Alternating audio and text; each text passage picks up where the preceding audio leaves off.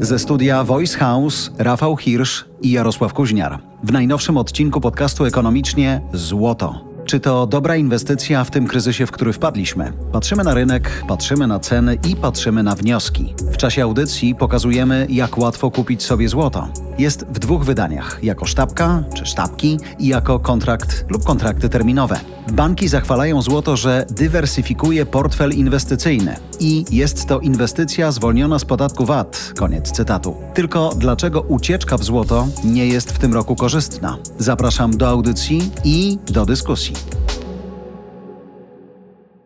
Ile jest prawdy, a ile jest mitu wciąż w tym, że jak jest kryzys, a uzgodniliśmy, że każda puenta naszej audycji no, brzmi kryzysowo bardzo i nic nie wskazuje na to, żeby miało się to poprawić, to trzeba zabrać się za złoto. Czy złoto dziś to jest, uwaga, użyję pięknego porównania, wciąż bezpieczna przystań? Bezpieczna. Ona jest tak samo bezpieczna albo niebezpieczna jak wszystkie inne aktywa finansowe, no bo złoto dzisiaj właściwie jest aktywem finansowym takim jak akcje, czy tam obligacje, czy jakieś waluty obce, czyli cena złota zmienia się w sposób swobodny na rynku finansowym i raz złoto tanieje, raz złoto drożeje, więc od tej strony moim zdaniem ono niespecjalnie się różni. Jeśli chcesz powiedzieć, że złoto jest bezpieczną przystanią, no to tak samo można powiedzieć, że nie wiem, obligacje Skarbu Państwa są bezpieczną przystanią. Bywają. Albo akcje CD Projekt są bezpieczną przystanią. Bywały.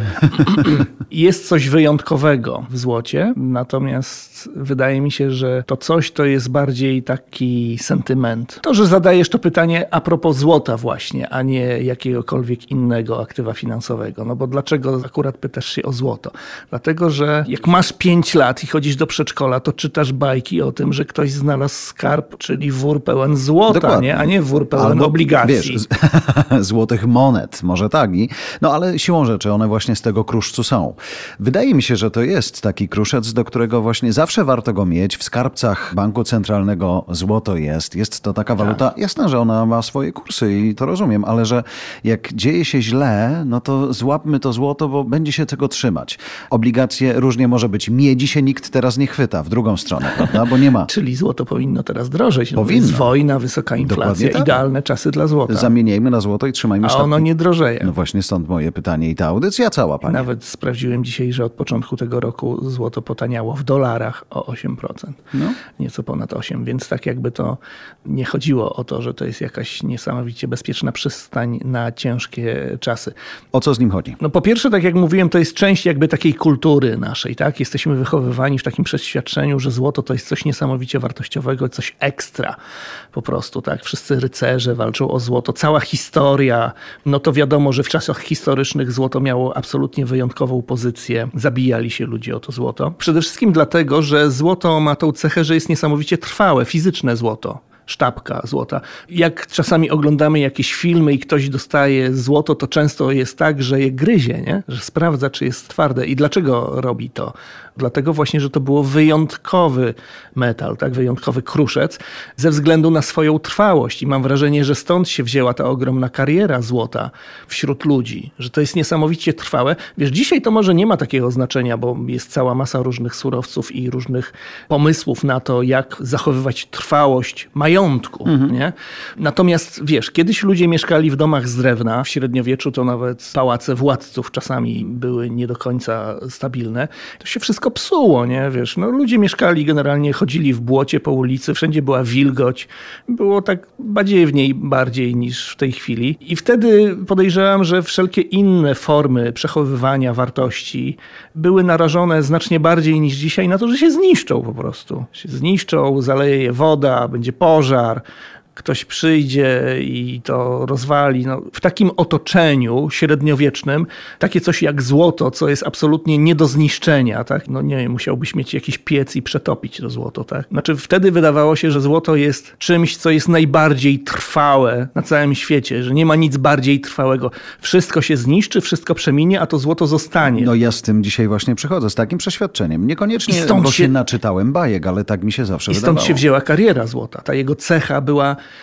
niesamowicie ważna i wręcz kluczowa przez wiele stuleci. Natomiast dzisiaj to już nie jest takie kluczowe. No, zobacz, mamy srebro, mamy aluminium, miedź, o której mówiłem, jest tych kruszców trochę. Być może rzeczywiście to tylko mit, stąd próbuję się z nim zmierzyć dzisiaj. Jak jest źle, lgniemy do złota. Tak się cały czas mówi, natomiast jak popatrzysz się na to, co się dzieje na rynkach finansowych, co się dzieje z cenami złota, no to chyba tak jednak nie jest. No. Kurczę, no rozejrzyjmy się wokół siebie. Znasz kogoś, kto sobie kupił złoto, jak wybuchła wojna? Nie znam takiej osoby, ale nie wiem, czy to jest tak proste jak kupienie sobie akcji? Czy ja muszę iść do Glapińskiego, To zapukać, w, ogóle, powiedzieć, to, w ja bym ogóle, to w ogóle trzeba rozróżnić, czy kupujemy kontrakt terminowy na złoto, czyli, czyli na rynku finansowym, czy kupujemy fizyczne złoto w formie sztabek bądź też monet. Jak wojna wybuchła 24 lutego, to się ludzie rzucili w sposób przejściowy najczęściej, ale się rzucili na bankomaty, prawda? Czyli był taki odruch że trzeba coś zrobić z pieniędzmi, że boimy, że coś się stanie. Zaczęli wyciągać pieniądze z bankomatów, ponieważ obawiali się, że może się coś stać z systemem bankowym. Ja tego nie robiłem, ale ci, którzy to robili, podejrzewam, że właśnie dlatego, że się bali, że ich pieniądze, które są w bankach, że to jest trochę mniej bezpieczne miejsce w związku z tym, że wybuchła wojna. Ale jednocześnie nie rzucili się z tą gotówką, żeby kupować złoto, tylko po prostu podtrzymali tą gotówkę, a potem te pieniądze wróciły na konta bankowe. Myślę, że jak jest wojna, to nie wiem, czy jest jakaś bezpieczna Zobacz, kiedy my No nagrywamy kiedyś, naszą audycję... jak był, jak był potop szwedzki, no to złoto było bezpieczną przystanią, tak? Jak była wojna. A dzisiaj... Z całej Wisły wyzbierany już. Natomiast zobacz, jak dzisiaj to wygląda, kiedy jest zapowiedź orędzia Putina, czy tam wystąpienia Putina, zwał jak zwał. I nagle co robią Rosjanie? O, o, sprawdźmy w Google, jak uciec z Rosji, albo co trzeba zrobić, żeby uciec od wojska. I to jest taki moment, gdzie wtedy już chcesz mieć jak najwięcej rzeczy przy sobie, które w każdej chwili możesz zabrać, a ze złotem nie będziesz się tarabanił przez pół Europy. No. No, czyli jest niewygodne. Zobacz, oni nie mają gdzie uciekać tak naprawdę. Jachtów już nie mają, inne asety zamrożone także, ale czy to jest... Swoją drogą to też była wielka, przepraszam, że tak znowu Mhm. nawiązuję historycznie, ale to też był wielki plus i wielka przewaga złota kiedyś w poprzednich stuleciach. Właśnie to, że jedna niezbyt duża moneta złota była tyle warta, No że tak. mogłeś sobie, nie wiem, ile krów za to kupić, albo i wieś może całą, więc właśnie to było wygodne, że masz to swoje bogactwo skumulowane właściwie w kieszeni w postaci kilku monet i nie musisz tego wieść ze sobą na wozie zaprzężonym w konie na przykład, nie? Tylko to też była wygoda. Ale dobra, to wystarczy tej historii. Wróćmy na chwilę do tego, o czym sam powiedziałeś przed momentem. Możesz zainwestować w kontrakt terminowy na złoto albo w fizyczną sztabkę złota. Tak. Mhm. Co jest opłacalne bardziej? Nie ma specjalnie dużej różnicy, jeśli chodzi o opłacalność, ponieważ cena jest mniej więcej ta sama. To znaczy, ceny złota fizycznego zachowują się tak samo jak ceny złota na rynkach finansowych. Płynnego. Ta, tak, tylko że jeśli chodzi o złoto fizyczne, to te ceny są troszeczkę wyższe po prostu, bo ci, którzy sprzedają ci te złoto, doliczają sobie do tego swoją własną marżę. Na przykład możesz sobie kupić monety złote emitowane regularnie na bieżąco przez Narodowy Bank Polski, czyli tak jakby na rynku pierwotnym kupujesz wtedy sobie te monety.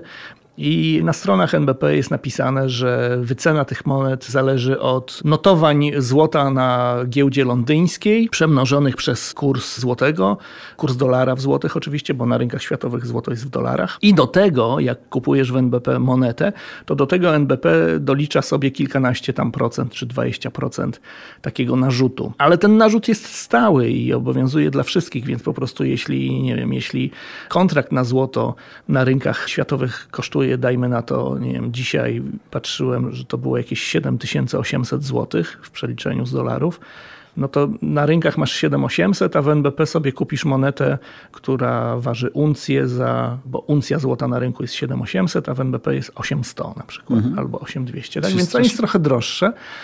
Natomiast jak się zwali cena złota na rynkach finansowych, no to te monety też w takim samym stopniu potanieją. Jak cena na rynkach finansowych złota wzrośnie, to te monety w takim stopniu samym podrożeją na rynku pierwotnym. Oczywiście osobną kwestią jest rynek wtórny, osobną kwestią jest to, że na Allegro masz całą masę różnych ogłoszeń, że ktoś... Mo- No, ludzie handlują, wiesz, potem no. możesz handlować tymi monetami. Czy tym, tak. Dokładnie, tak. No i jak jest rynek wtórny i ludzie handlują, no to tam już ceny mogą być różne, bo niektóre egzemplarze mogą być więcej warte, niektóre mniej warte. Zależy od tego, jak one bardzo są unikalne i tak dalej. No to to już wchodzimy w taki rynek, na którym, żeby się poruszać samodzielnie, to trzeba się na nim znać, więc jak ktoś się nie zna, to raczej bym zalecał, żeby najpierw się zaczął znać. Ale generalnie z każdą inwestycją tak jest i zawsze to podkreślamy. Szykując się na spotkanie z tobą, pomyślałem sobie, może zadam najpopularniejszemu wujkowi świata, czyli Google'owi, najprostsze pytanie. Kupię sztabkę złota. Mhm. I on mnie błyskawicznie wysyła w kilka miejsc. Jedno z nich nazywa się na przykład Mennica Mazowia. Nie płacą nam za to, żeby o tym powiedzieć.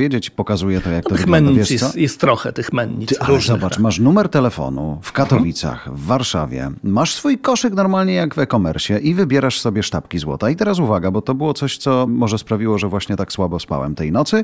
Sztabka złota 400 uncji, czyli prawie 12,5 kg. O Jezus, to tam miliony jakieś. 3 miliony 285 556 za sztukę. W tej chwili. Sztabka złota... Taką sztabką to potem jeszcze biceps możesz Ty, ale, sobie no, robić. ale masz kilogram do podnoszenia codziennie rano. Kilogram kosztuje ja już tylko... kilka kilogramów, ta pierwsza A, Ta pierwsza tak, ale 12. masz kilogramową też. Możesz kupić sobie i ona kosztuje już tylko 263 650 w tej chwili. 263 tysiące Tak, złotych, masz pół tak. kilo za... Ćwierć, 130, ćwierć miliona złotych. Za 131 925. To jest jakaś promocja, bo nie jest to 132 tysiące mhm. za pół kilograma. I tak dalej, i tak dalej. Co ważne, oni mówią, słuchaj, my ci możemy to wysłać nawet w 24 godziny i taka sztabka złota, na przykład kombi bar, gdzie jest 50 razy 1 gram przez 24 godziny wysyłka, 14 132 zł 50. Do koszyczka wrzucasz, płacisz, masz. No tak, tak. I wiesz, no i jeśli chodzi o potem zachowanie się wartości tej sztabki, to to nie odbiega od tego, co się dzieje na rynku finansowym. Natomiast rozumiem, że ktoś lubi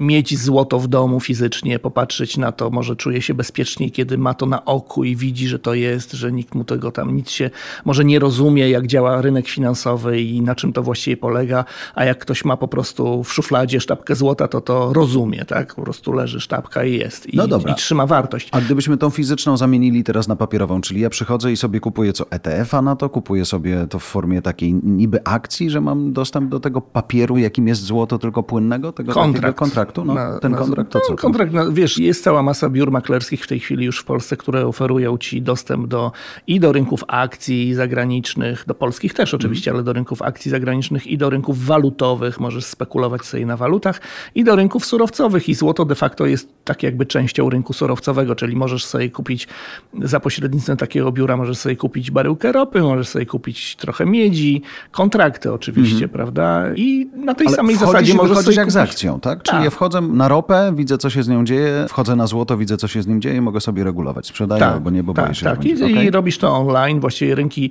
surowcowe mają tą przewagę nad rynkami akcji, że tam, bo rynek akcji działa wtedy, kiedy trwa sesja giełdowa, -hmm. która jest od do, tak? W Warszawie -hmm. od 9, czy tam od 8.45 do 17.05 a taki rynek surowcowy teoretycznie działa 24 na dobę. Oczywiście są takie godziny, kiedy tam się niewiele dzieje, bo większość świata śpi akurat, znaczy Ameryka już idzie spać, a Azja jeszcze się nie obudziła. To jest akurat w środku nocy u nas. No ale teoretycznie można by założyć, że przez całą dobę można tym handlować i to jest wygodne. Oczywiście to jest ryzykowne i tutaj złoto pod tym względem absolutnie nie różni się od jakiegokolwiek innego instrumentu finansowego, jest takie samo ryzyko. Specyfiką złota natomiast jest to, od czego zaczynaliśmy, że mówiliśmy, że tak się przyjęło, że złoto jest dobrą inwestycją na trudne czasy czyli w domyśle tak jakby powinno reagować, znaczy cena złota powinna reagować na to, że wybuchła wojna, że jest jakiś mhm. kryzys, że jest bardzo wysoka inflacja, na przykład, nie? Takie też jakby pokutują takie przekonania. Natomiast jak właśnie patrzymy, bo teraz jest ten dobry moment, żeby to zweryfikować i patrzymy i to złoto nie drożeje dzisiaj w ogóle, tylko wręcz tanieje w tym roku. A na przykład w latach od 2018 do 2020 roku przez dwa lata cena złota poszła w górę o 80% na rynkach. To czemu wtedy drożało? A czemu w tym roku tanieje? Nie było wojny, czy nie było inflacji okazuje takiej, się, tak? okazuje się, że dzwoni nam niedaleko, ale nie dokładnie tam, gdzie trzeba, bo faktycznie jest pewne powiązanie wyceny złota z inflacją, ale nie takie proste, że jak rośnie inflacja, to drożeje złoto.